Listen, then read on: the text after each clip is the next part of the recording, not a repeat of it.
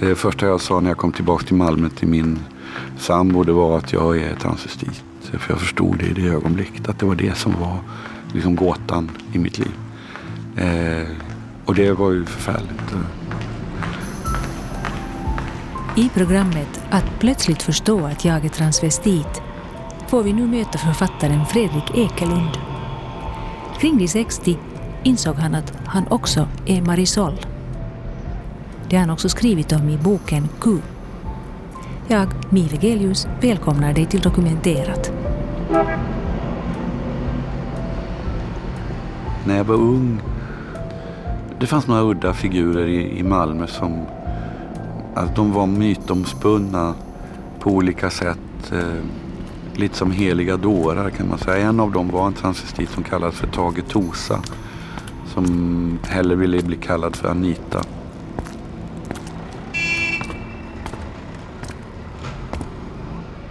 Roland bromsar in, kör upp, nära. Varelsen rör sig snabbare nu. Tage, läget? Det är då det kommer. Svaret Roland anade skulle komma. Utgångspunkten för hela manövern. Jag heter inte Tage. Jag heter Anita. Rösten är ljus och feminin, men bestämd. Jag heter inte Tage. Jag heter Anita. Orden ringer i mina öron. Vi ler mot varandra i bilen. Ja, Hasse skrattar till och med så att han gråter. En cirkusupplevelse.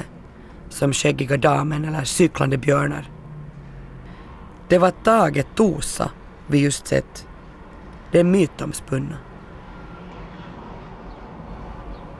Nu sitter jag här, 45 år senare grå januari utanför fönstret när jag rekapitulerar scenen och hör orden ringa i mina öron igen. Jag heter inte Tage. Jag heter Anita. Jag heter inte Tage. Jag heter Anita. Jag heter inte Fredrik. Jag heter Marisol.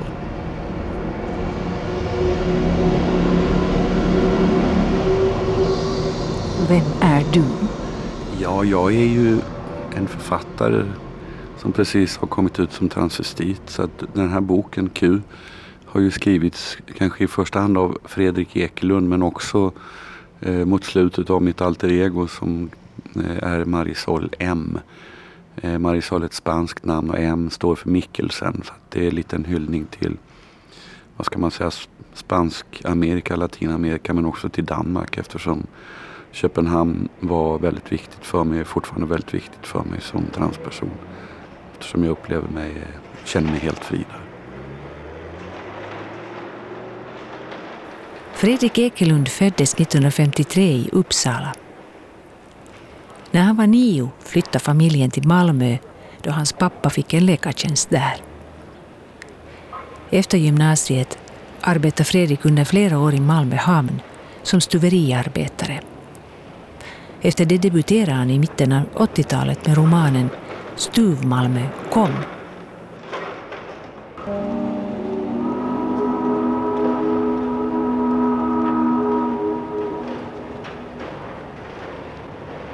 Du har skrivit ett tjugotal böcker, alltifrån deckargenre till andra böcker. Om du tänker på hela din produktion, så vad hör till sådana böcker som har varit extra viktiga för dig? Nej, men min debutroman var väldigt viktig för mig för när jag skrev den Stuv Malmö kom, den handlar om hamnarbetare i Malmö hamn. Det är också en generationsskildring och en Malmöroman. När jag satte mig ner för att skriva den så var min enda tanke att jag ska skriva en enda bok i mitt liv och den ska handla om arbetarna i Malmö hamn. Och sen skulle jag göra annat, så jag såg inte mig själv som författare. Men när jag skrev den så upptäckte jag att jag kunde skriva, framförallt så upptäckte jag att jag kunde hitta på den stora förändringen i mitt författarskap som också präglar det som jag har gjort nu. Det, det var en barndomsskildring som hette Fader vår, tack för ljuset. Där jag vågade närma mig ett slags ursprunglig smärta i mitt liv som, eh, som handlar om eh, psykotiska attacker och panikångest. Och det drabbades jag av första gången när jag var 12 år. Eh, och det, det trodde jag under många år att det, det kan man inte sätta ord på. Men så märkte jag när jag skrev den att jo men det kunde jag. Så att då erövrade jag en inre verklighet som jag sen var trogen i en bok om min ungdom som heter Som om vi aldrig hade gått här. Så att Q är egentligen bara en fortsättning på de två böckerna. För det handlar väldigt mycket om att försöka frilägga de här inre kontinenterna eh, i mig själv eh, och alla de här nyanserna i olika känslorörelser, vågrörelser. Så de hänger ihop kan man säga.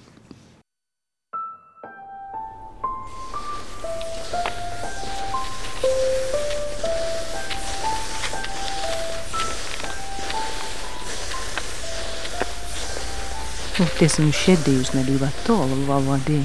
Det, det är en sak som jag, jag kan ha svårt att prata om det för det var så fasansfullt. Vi åkte skidor med min mamma. Vi var på Hooks herrgård på småländska höglandet och så var det en klarblå himmel och eh, hon stakade på framför mig så plötsligt var det precis som att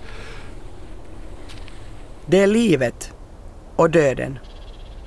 Men framförallt attet. Att vi finns och att jag inte förstår varför jag och vi och alla finns.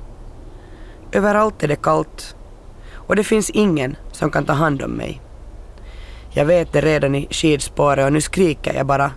Skriker och skriker och vi är tillbaka på herrgården och pappa är rädd när han tittar på mig. Han är läkare men rädd och mina syskon tror kanske att jag ska bli som farbror Torsten, pappas bror som lobotomerades några år tidigare mot sin ångest och sina tvångstankar. Och när vi kommer tillbaka till Malmö är vårt radhus inget hem längre, utan en stor, ödslig låda bara. Min blick bränner ner alla väggar, alla ansikten. Eh, jag vet inte, Gud dog, allting slocknade i min värld. Det var som en, en avgrund som öppnade sig. Och, så det var en form av en, en psykotisk attack som, eh, ja, som eh, min barndom tog slut på mindre än en minut. Allting förändrades i det ögonblicket. Så det är också, vad ska man säga, mitt livs urscen. Det är skrivandets och tänkandets början kan man säga. Där, där börjar ett nytt liv, ett mycket mer sårigare och smärtsamt liv. Sen kom de här attackerna kom sen när jag var 16, 19, 21, 23 och 27. Så att, eh, det tog eh, väldigt lång tid innan jag kom ur de här tillstånden. Alltså de kunde vara ganska korta men de fanns där och det var lika hemskt varje gång. Ingenting i det yttre som manar fram det?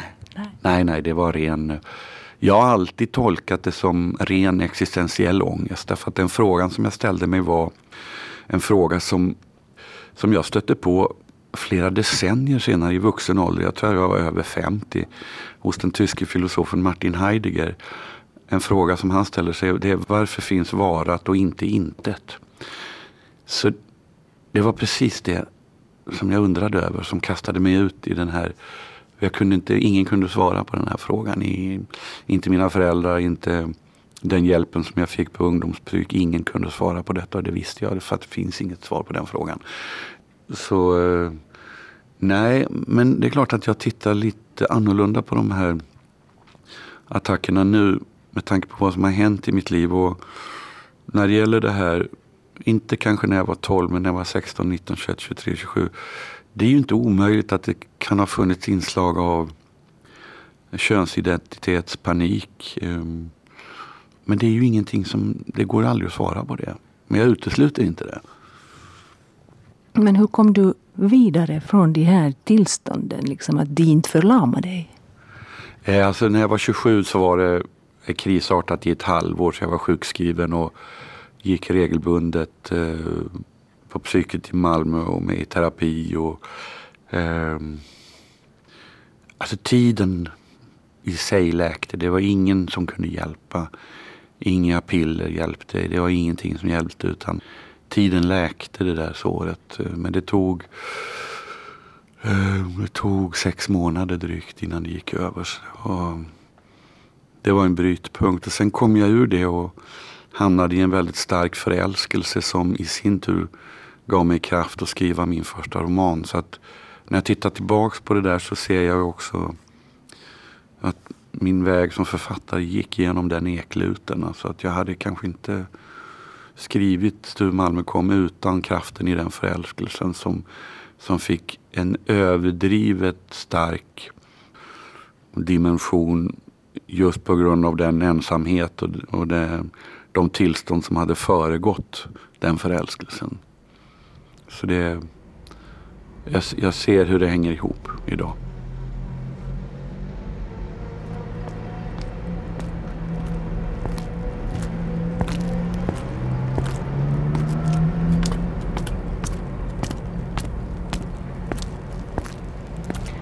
Men det som hände för cirka fem år sedan, så vad var det?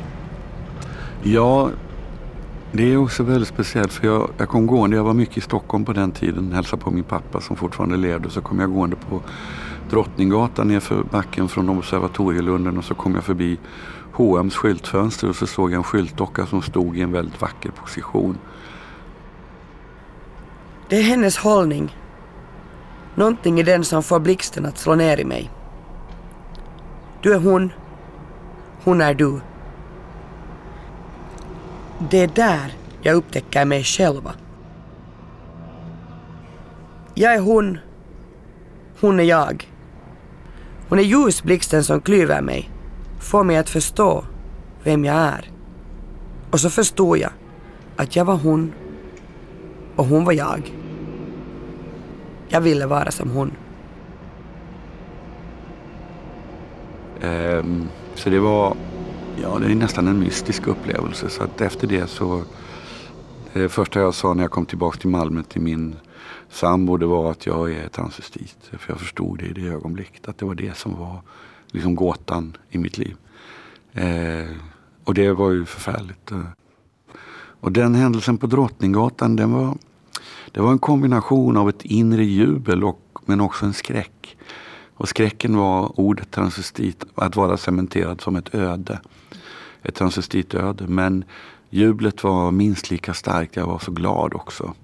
För att jag hade äntligen löst gåtan om mig själv. Det var fint. Hur reagerade din sambo? Nej, men hon blev chockad. Hon blev väldigt ledsen. Eh. Jag säger till henne i köket i radhuset att jag har någonting jag vill berätta. Och hennes vackra ansikte smalnar av och stumnar redan där.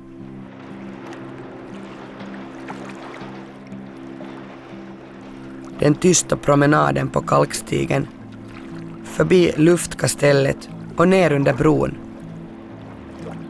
Upp på utkiksplatsen där anblicken av en kapsejsad fiskebåt en bit ut i vattnet bara förstärker min oro och katastrofkänsla. Att allt är över nu. Att även vi ska sjunka till botten. Alla våra 13 år. Så andas jag in djupt och säger det. Älskade Alice. Jag tror att, att jag är en sån där jag transvestit. Och hur jag kan se hur hon faller. Djupt in i sig själv. Djupt in i sorg. Och hur jag också faller. Men ut ur mig själv. Som om orden både befriar mig och gör mig förtvivlad.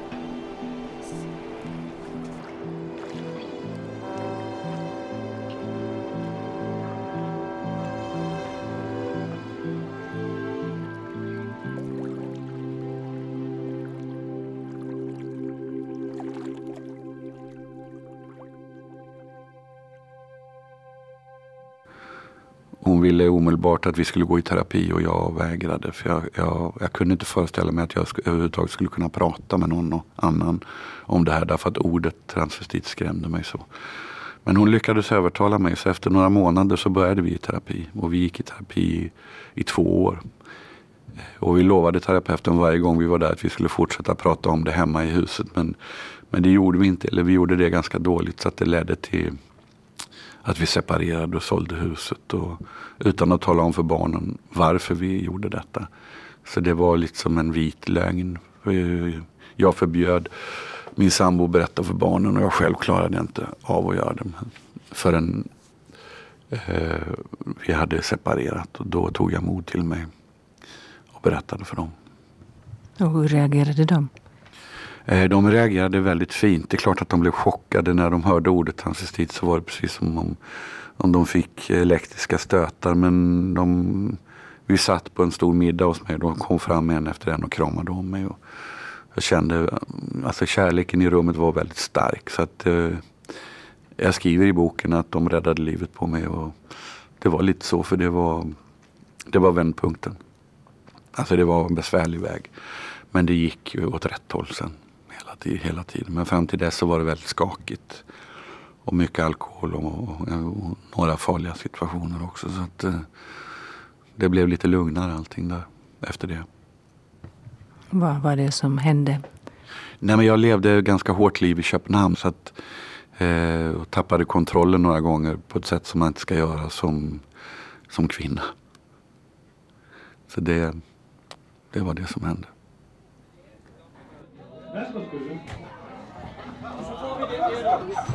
Den här hösten har varit dramatisk för mig och delvis desperat. För ett tag sedan var jag ute ensam i Köpenhamn. Massor av olika barer. Även Nevermind och plötsligt, jag vet inte vad som hände. Ingen aning. Allt blev bara svart. Vaknade jag upp på en iskall perrong i en stad flera mil norr om Malmö. Full, desperat, i byxor visserligen, men med läppstift och smink i ansiktet fullständigt förvirrad och, och helt övertygad om att det bara fanns en väg för mig. Självmord.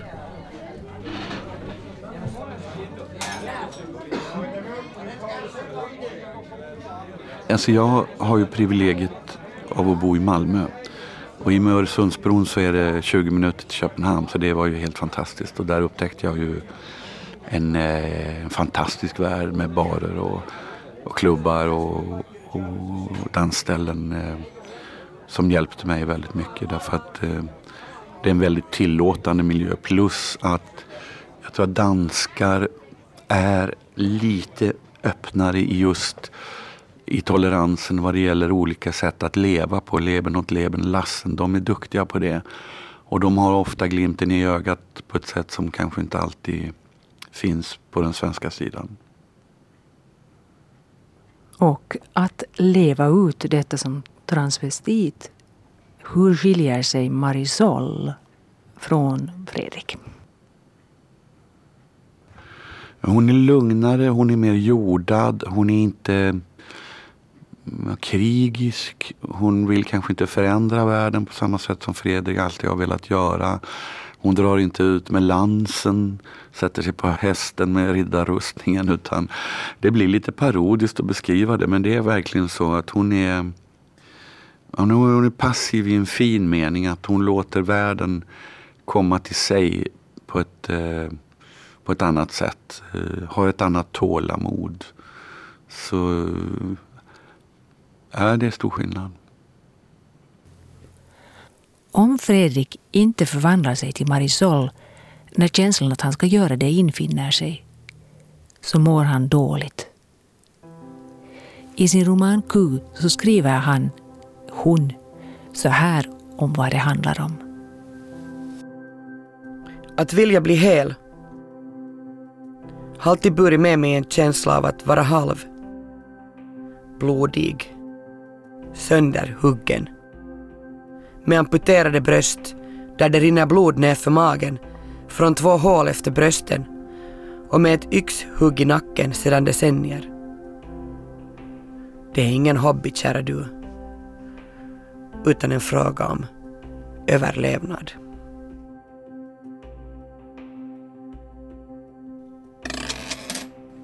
Och rent så här eh, konkret så liksom, hur ofta växlar du mellan Fredrik och Marisol? Och hurdan är den där växlingen?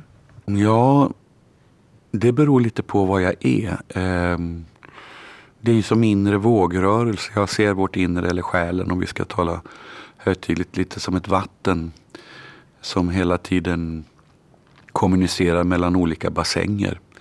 En kvinnobassäng, en mansbassäng och så kanske en liten detbassäng i mitten som är könsneutral. Och när den här kvinnovågen kommer då vill jag göra om mig direkt.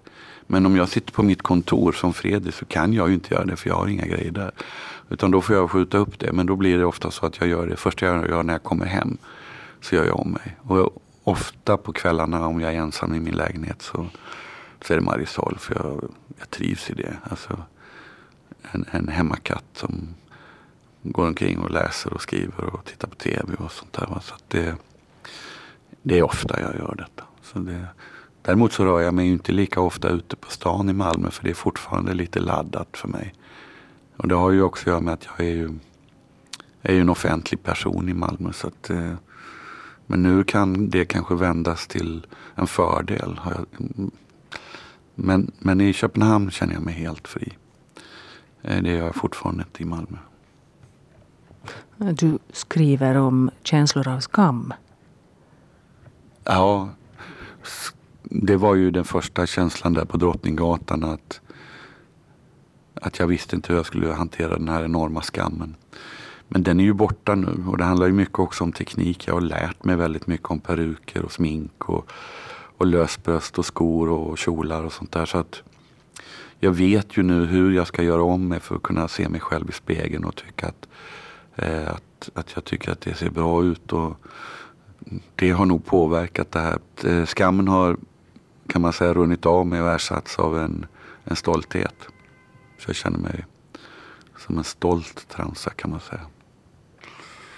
Alltså det svåraste, det svåraste var när jag började skriva så skrev jag om en person som hette Henrik. Huvudpersonen hette Henrik och hans feminina alter ego hette Marielle. Och så skrev jag en första version och så läste jag igenom den och så, så tänkte jag, vad fan är detta? Det här är ju bara töntigt. Och då fattade jag beslutet, ska det här bli på allvar då måste det stå Fredrik och Marisol för det är ju det det handlar om. Och det gjorde väldigt ont. Det gjorde väldigt ont kan jag säga. För då förstod jag att då fanns det ingen väg tillbaka. Då kommer den här boken leda till ett outande.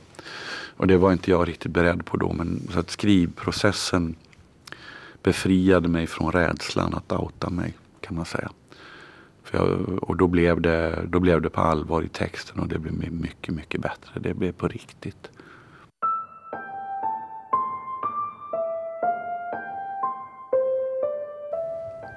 Vad har du mött när du har kommit ut?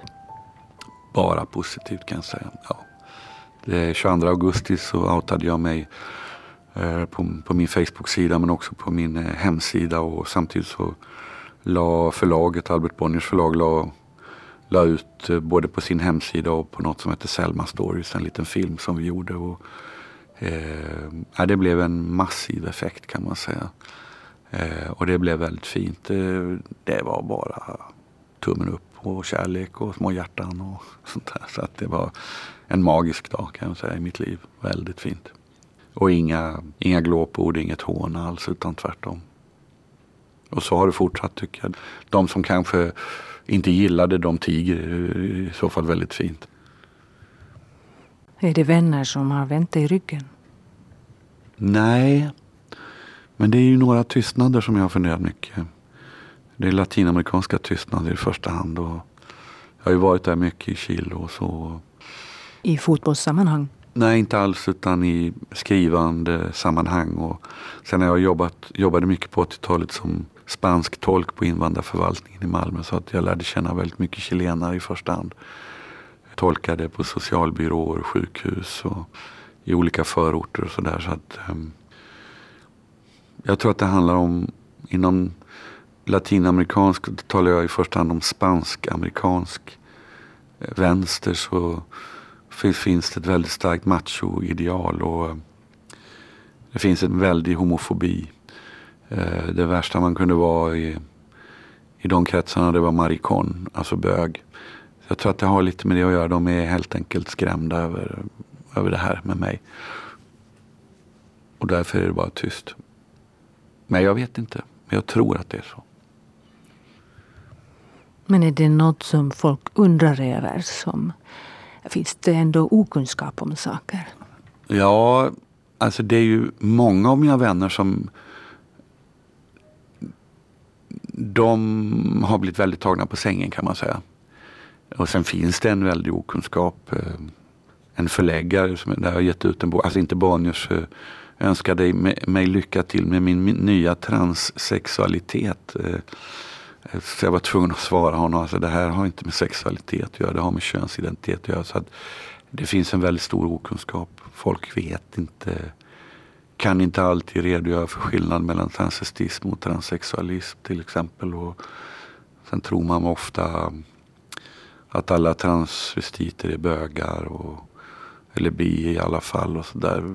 När det i själva verket är så att en förkrossande majoritet av transvestiter är heterosexuella, 80 procent. Alltså det är samma proportioner som inom den så kallade normalbefolkningen.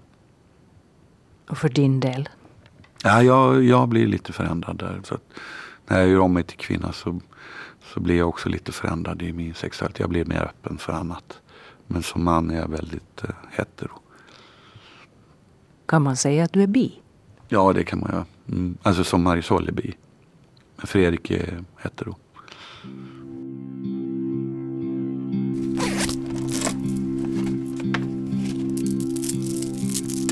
På nätet så kan man se Fredrik Ekelund göra om sig till Marisol samtidigt som man hör honom läsa ur sin bok Q. Han tänker tillbaka på sitt liv. Paris 80-tal med Michel Foucault på Collège de France och Jacques Derrida på École Normale. Det fria livet, kafélivet och drömmen om att bli författare. Kärlekshistorien med Chantal som slutade abrupt när han berättade om plötsliga homosexuella fantasier mitt i deras passionerade historia. Och hur han, på hennes inrådan, gick på bögklubbarna en efter en men nej, det var inte hans värld. Där fanns ingenting som tilltalade honom. Pas pour. Jag sökte då på 80-talet men fann ingenting. Förstod inte. Var inte rädd för att söka men jag fann ingenting.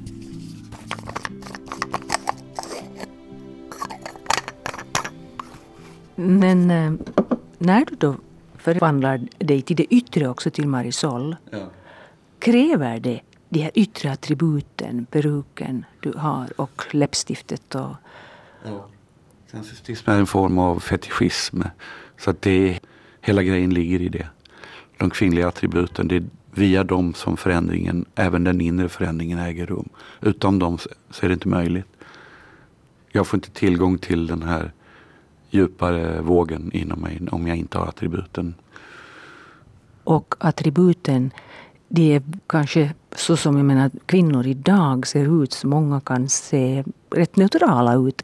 Men här är attributen explicit kvinnliga. Hur förklarar du det? Ja, jag tror att det är en ingångsfas för många som upptäcker sin transvestit. Då, då går man väldigt hårt in i överdrifterna. Eftersom många har varit väldigt ensamma så har man aldrig haft någon hjälp med sminkning och iordningställandet av de kvinnliga attributen. Och då blir det lätt överdrifter. Det ska vara rött nagellack, det ska vara knallrött läppstift, ganska hårt sminkad, mycket bling-bling. Eh, och, så och jag gillar ju det men jag märker ju på mig själv också att eh, nu har jag ju lärt mig väldigt mycket av de kvinnliga koderna. Så jag skulle ju aldrig sätta på mig det långa örhänget på förmiddagen. Men det kan jag ta fram klockan tio på kvällen om jag är ute på krogen eller, eller på någon, läcker, eh, någon, någon bra bar. Så att eh, det är ju dygnsrelaterat mycket av det där. Också lite softare sminkning liksom på dagen och sen kan man eh, om det är en fredag, lördag kväll då kan man ösa på lite. Så att, eh, men visst, och jag kan också förstå om vissa feminister eller kvinnor tycker att vi är, är vi lite överdrivna men då får man bara vädja till deras förståelse att de måste förstå vilken kamp varje transvestit har gått igenom och går igenom. Så att, eh, det är ingen medveten provokation mot ett modernt nordiskt kvinnoideal som ofta är ju, kan vara ganska reducerat när det gäller smink och sånt där. Utan det, det är för att vi är, vi är på jakt efter kvinnan med stort K. Men det handlar väl också om att jag mår så bra. Därför att jag har känt mig väldigt trygg. Som Marisol.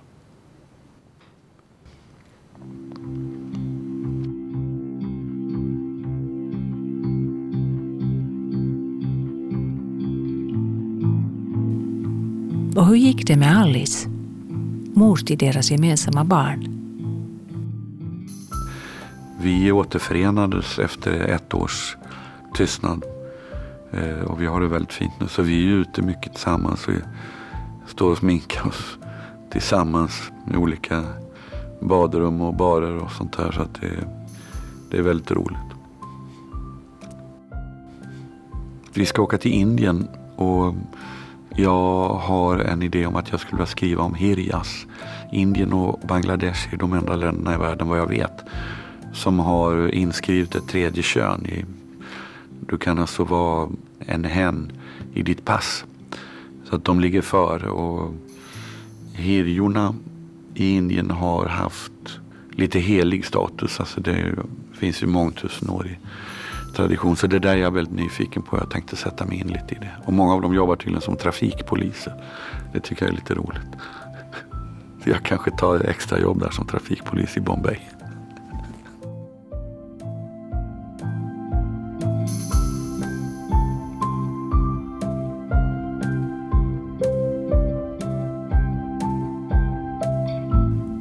I dokumenterat Att plötsligt förstå att jag är transvestit har det handlat om författaren Fredrik Ekelund.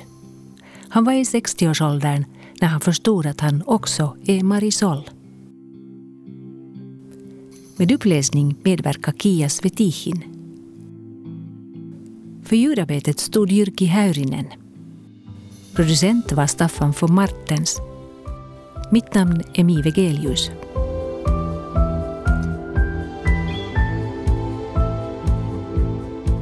Vill du höra fler regnbågsmänniskor? finns en helt ny podcastserie på Yle Arenan